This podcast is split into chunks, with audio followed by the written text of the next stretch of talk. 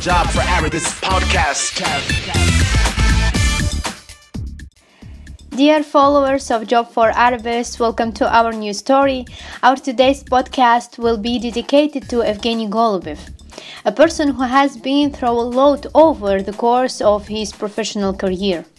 Evgeny teaches English as a foreign language in the GCC region.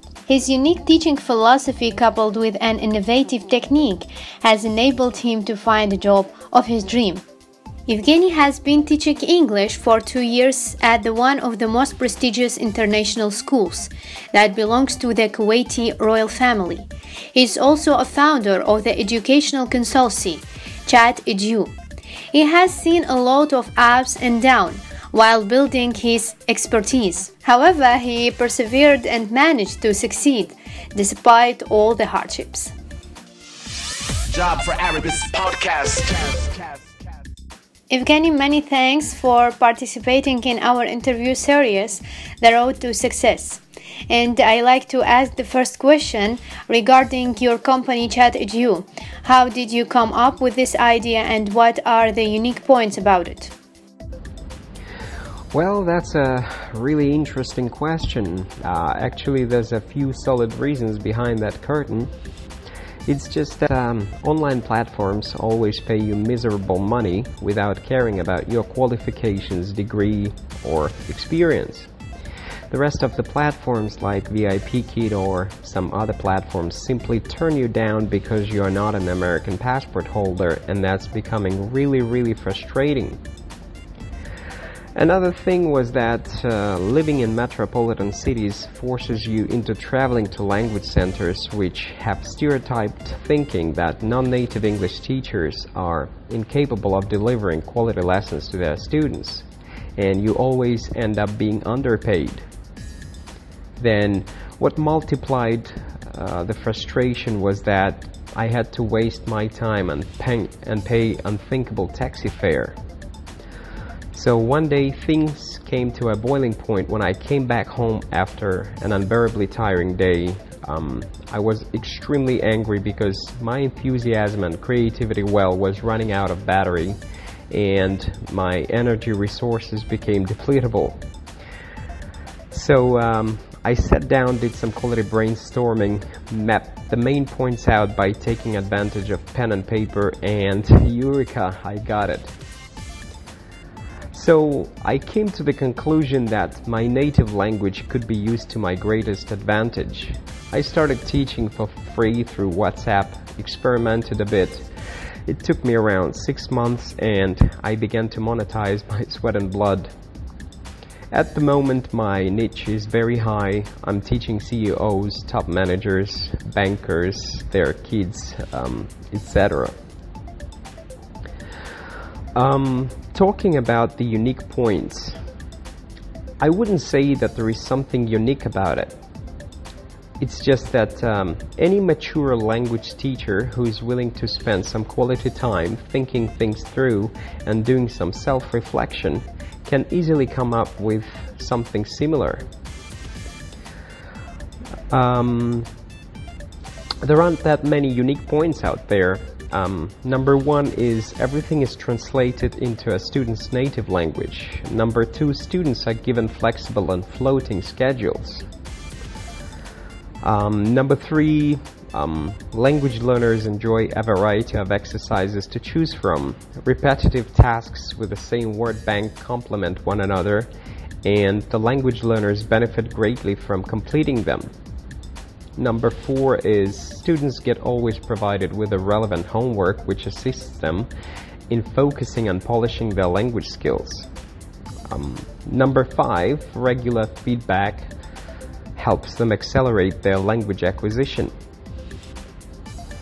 Number six here is some modules don't need to be delivered simultaneously. No video audio calls are needed. Students simply complete their homework in their free time through text messages, voice messages, and animated flashcards accompanied by the translation into the native language or the target language. Number seven, I don't charge my students for the cancellations at all, and they like this, they like this comfort, they enjoy this flexibility. Nowadays is a variety of language programs that are arguably both efficient and innovative. For instance, some programs promise to help master English in 5 days or even 10 hours. So, what mistakes regarding the second language acquisition you would recommend avoiding and what are the main tips uh, that help facilitating the learning process in your opinion? Well, uh, nowadays there are lots of companies which take advantage of their expensive marketing campaigns to talk gullible people into buying their language learning products, which are not worth the invested time and money in the vast majority of cases. You have to understand that second language acquisition is not a walk in the park. So ESL students or ELL students and their parents should be more vigilant and be able to stop for a moment and do some quality analysis before buying some dodgy product. Language acquisition is not a pair of shoes that can be obtained by one click on some online shop platform. It is always about hard work, it's about sweat, blood, dedication, devotion, enthusiasm, creativity, and long hours. What worked for one person and helped them master the language in one year might take a few or more years to become proficient in the, in the target language for another person. So don't believe those marketing campaigns or fairy tales. If a company has a solid brand, that does not mean that they will offer you a quality product or quality service. Then, all language learners should be aware of the different kinds of motivation intrinsic or extrinsic integrative, or instrumental. Another thing to be taken into consideration is that uh, if you think that when you passed IELTS or TOEFL exams successfully and you should stop about um, studying the language, that's wrong. That's completely wrong. You shouldn't be quitting. It's like doing sports. Even if you are a champion and you quit doing jogging or doing sprints, think about this. How would you feel after not doing this for six months and then undertaking a two kilometer run? It's gonna be tough, right? So, if you learn a language, um, do it more or less regularly. Practice all language domains speaking, writing, listening, and reading.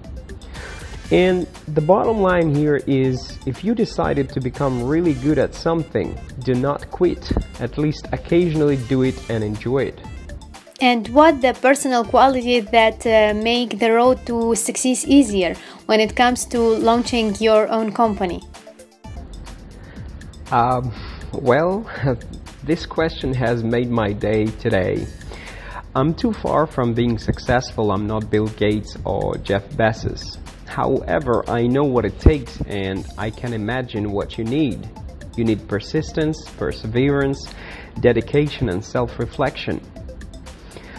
Um, it's also about being able to put yourself into your client's shoes. You have been living for two years in the GCC region. Are there any striking aspects about the Arab culture or philosophy that you find interesting? Well, I wouldn't say that I was surprised by something while being here for over a year. It's just that I have a lot of friends from other Muslim countries. Uh, most Arabs are deeply religious and extremely family oriented. Families might have minimum three kids and more. Um, most Arabs believe that most of life's events are controlled and orchestrated by God. Children here are considered as jewels and that men and women, as well as male and female children, have different and distinct roles. It is not polite to say no. Uh, the term, as God wills it, is a nicer way to say no. It, it is always best to say yes. Uh, you have to keep in mind that a yes can also mean maybe. I have also noticed that Arabs are generally very socially oriented people. At the same time, um, Arab thinking might surprise some of the newcomers to this country. Arabs are more likely to have subjective perceptions. And um, another thing is that to protect loss of face, an Arab will rarely admit to a mistake. Um, it wasn't any different from uh, my staying in Thailand for five years. Thais tend to do the same thing, they will never admit their mistakes. What I like here um, is that handshakes are common greetings and farewells.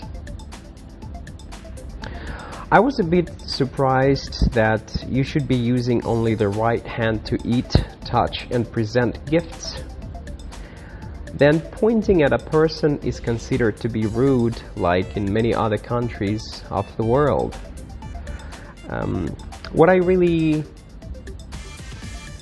don't understand or I don't really like is that Arabs have a lot less body space than Westerners. Um, in the vast majority of cases, all Arabs are very hospitable, uh, very friendly and generous to strangers. Uh, here it is considered an expression of sacred duties. So what you should be mindful about is that when sitting, uh, you should be avoiding stretching legs in front of or sitting up higher than others. Um, you shouldn't be leaning against walls, slouching in chairs, or putting your hands in your pockets. Middle Easterners consider it impolite to eat everything on one's plate. Um, well, in Russia it is always the case that you should be taking off your shoes at the entrance and leaving them there before going in. Here it's the same thing. And what would you recommend it to the young generation in the process of figuring out their career pathway? Are there any tips based on your significant work experience? This is a question I normally ask uh, all the interviewees. It's difficult to recommend something. We all have different paths and routes and interests and hobbies. But what has to be kept in mind is that making mistakes is always good. The more, the better. But the best thing is to learn how to summarize, how to make conclusions and learn from those mistakes. Um, it's difficult to talk about success and how to be successful. Um, but what I would consider is P multiplied by 2. It's, it's about persistence and perseverance. Do not quit, no retreat and no surrender. So um, these are my tips. Yevgeni, many thanks for your insightful story that I hope our followers will find useful.